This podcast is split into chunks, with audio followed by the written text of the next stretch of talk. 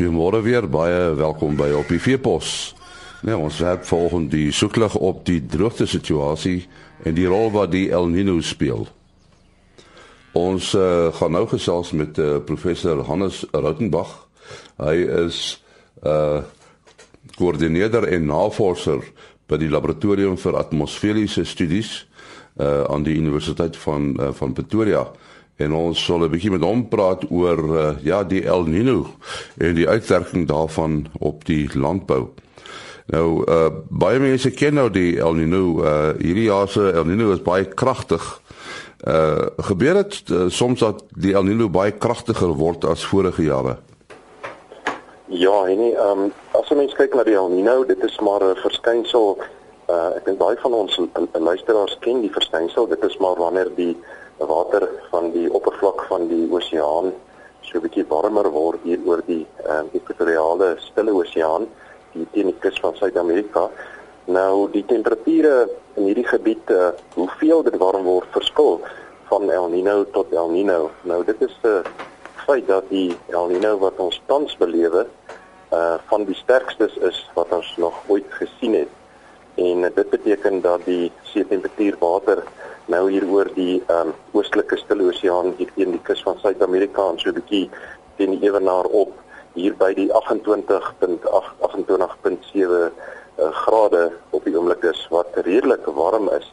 So dit is waar ons het hierdie jaar 'n baie sterk El Niño en uh, die ander ding wat ook baie belangrik is is dat hierdie El Niño verskynsels normaalweg um, geassosieer word met droogte oor Suid-Afrika En dit is waarom daar maar waarskuwingssyne uitgaan en ehm uh, daar word uh, gesê dat uh, mense maar bietjie versigtig moet wees veral in die landboubedryf. Ander sektore kan ook geraak word, maar uh, ons is in 'n baie sterk El Niño en uh, ons moet maar daarvoor voorsiening maak dat daar 'n groot kans vir droogte oor Suid-Afrika mag voorkom. Nou alles uh, hierdie hierdie baie sterk El Niño. Is daar 'n korrelasie met met uh, sogenaamde klimaatsverandering?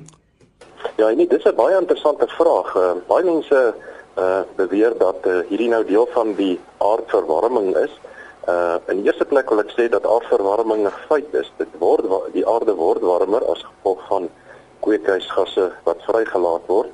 Een ding wat 'n mens net moet onthou is dat geen wetenskaplike nog 'n verband tussen die El Niño se sterkte en sy voorkoms en uh globale verwarming kon vind nie. So daar is nog nie bewyse dat die El Niño gekoppel kan word aan globale verwarming. Die tweede ding wat ek wil noem is dat ons het 'n baie soortgelyke El Niño gebeurlikheid gehad hier in die jare 1997 98 daai daardie somer waar die temperature ook hier in die orde van 28.8 grade Celsius was vir Augustus en uh, so dit is nie dat hierdie een uitsonderlik is as mense hom vergelyk met vorige El Niños nie. Uh, so ek sal op hierdie stadium nog so 'n bietjie versigtig wees. As dit nou werklik so was dat die temperature 'n graad warmer was as vorige El Niños en ons sien hierse neiging dat hierdie goed groter word, uh, dan kon mense uh, versigtig gewees het. Maar op die oomblik is hierdie El Niño wat ons tans beleef nog in die grense van die normale frekwensies van El Niños. En dis sal ek bietjie versigtig wees om te sê hierdie is nou 'n teken van 'n uh, klimaatsverandering. Uh, goed, ons het nou die El Niño en dit is 'n uh, uh, toestand wat in die, in die Stille Oseaan voorkom. Die El Niño is nie die enigste verskynsel wat wat kan droogte veroorsaak nie. Daar's ook die die siklone in die Indiese Oseaan, né? Ja, nee, dis dis nou 'n baie interessante uh, vraag daai. Ehm um, dit is baie waar. Mense mense sal onmiddellik vra maar die El Niño se verskynsel in die Stille Oseaan voorkom en Suid-Afrika is omtrent in die teenoorgestelde kant van die aardbol aan die Stille Oseaan. So in die eerste plek, ek dink die El Niño uh, is is eintlik 'n 'n 'n ding wat op 'n afstand uh, die sirkulasiepatrone so verander dat Suid-Afrika droogte ondervind, maar jy is heeltemal reg, daar's baie ander faktore wat hierdie afstand uh, regulasie kan beïnvloed. Ons het byvoorbeeld ander see temperature ook hier in die ehm um, Indiese Oseaan het ons uh, see temperature wat ook soms soos 'n El Niño wissel van jaar tot jaar uh byvoorbeeld wanneer daar groot warmwater hier oor die hier teen die ooskus van Suid-Afrika en die in, in die ek bedoel die die uh die die ja die ooskus van Suid-Afrika voorkom oor die westelike deel van die Indiese Oseaan, dan is daar altyd 'n 'n moontlikheid van 'n bietjie meer reën. Um, en en en mens kry hierdie dipole ook in die in die Indiese Oseaan. So die die belangrike ding wat mense hieruit kan aflei is dat daar verskeie oseaantemperature is wat ons uh, weer kan beïnvloed. Nou baie belangrike ding is dat hoekom oseaantemperature temperature so belangrik is is dat uh, oseaantemperature warm temperature veroorsaak verdamping, baie vog en dan die winde voer dan hierdie vog in die binneland in. So ehm um, En dit is juist hoekom die Suid-Afrikaanse weerdiens uh, deesdae nie gebruik maak net van die El Niño verskynsel om 'n seisonale voorspelling vir Suid-Afrika uit te ry nie. Uh op die oomblik hardloop uh, die weerdiens uh, uh, baie um, gesofistikeerde gekoppelde oseaan atmosfeer modelle. Nou hierdie modelle is maar net uh, uh, die groot rekenaarprogramme wat die klimaat simuleer en dan voer hulle die hele aarde se temperature aan die onderkant van hierdie modelle in sodat uh, mense die effek kan kry van al die bydraes van die oseane. En en um, en dit is hoe die voorspelling deesdae gedoen word. Maar dit is nog steeds 'n feit dat die El Niño ehm um, en sy kragte wat inwerk oor die hele aardbol nog steeds 'n dominerende rol speel. Um, ek kan net noem in hierdie geval ook die vorige sterk El Niño wat ons gehad het. Dit so klein in hierdie een was. Baie interessant, die reënval in die voorsomer gedurende die 97 98 El Niño was 'n bietjie onder normaal. Nie baie onder normaal nie en die nasomer reënval was so normaal dat hierdie sterk dal. So dit is net vir die reënval gekoppel kan word hier aan die sterkte van die element. Maar ehm um, hierdie jaar ehm um, dink ek die die voorspellings, as ek nou van kom met die voorspellings, dui daarop dat ons baie droë en warm uh, Januarie, Februarie, Maart, uh, Desember, Januarie, Februarie, Maart, veral Januarie kan hê. Dit is 'n bietjie natter kondisies kondisies hier oor Desember en dan ook droog um, uh, voor Desember hier in November. So die algemene tendens uh, met hierdie voorspellings wat uh, baie spesifieke in afneem is dat ons redelike droë somer uh, verwag kan wees. Uh, die El Niño het nou al sy piek bereik en daar's 'n bietjie van 'n afplatting. Ja, dit is reg nie. Hy is nog bietjie die water nog steeds besig om warmer te word. Um, Uh, ek het uh, gister eers gekyk aan die temperature hier oor die uh, Stille Oseaan. So dit het nog nie baie afkoel nie, maar um, dan is daar daar is ook modelle wat uh, baie goed doen om die om die om die neigings van die El Niño vorentoe te projekteer. En hierdie modelle van die bestes in die wêreld, het 'n bietjie gekyk daarna, hulle wys dat hierdie water, warm water so gaan gaan afkoel hier in November. Desember en dat dat uh, ons dan die piek gaan bereik wat ook baie soortgelyk is aan die 97 98 El Niño uh, wat voorheen ondervind is. Ja, ons praat van die 11 jaar uh, sonsiklusse. Sou jy sê daar is 'n uh, sogenaamde El Niño siklusse wat uh, op 'n gereelde grondslag voorkom? Ja, dit is daar's um, dis wat hierdie hele uh, stelsel uh van die weer so ingewikkeld maak. Daar's daar's verskeie siklusse wat hier inwerk. Ons het van die baie logiese siklusse is natuurlik die seisonale siklusse. Ons kan met sekerheid voorspel dat dit gaan in die somer reën. Hoeveel dit gaan reën kan ons nie sien nie. Ons kan met sekerheid voorspel dat die winter gaan droog wees. Ons weet dit al.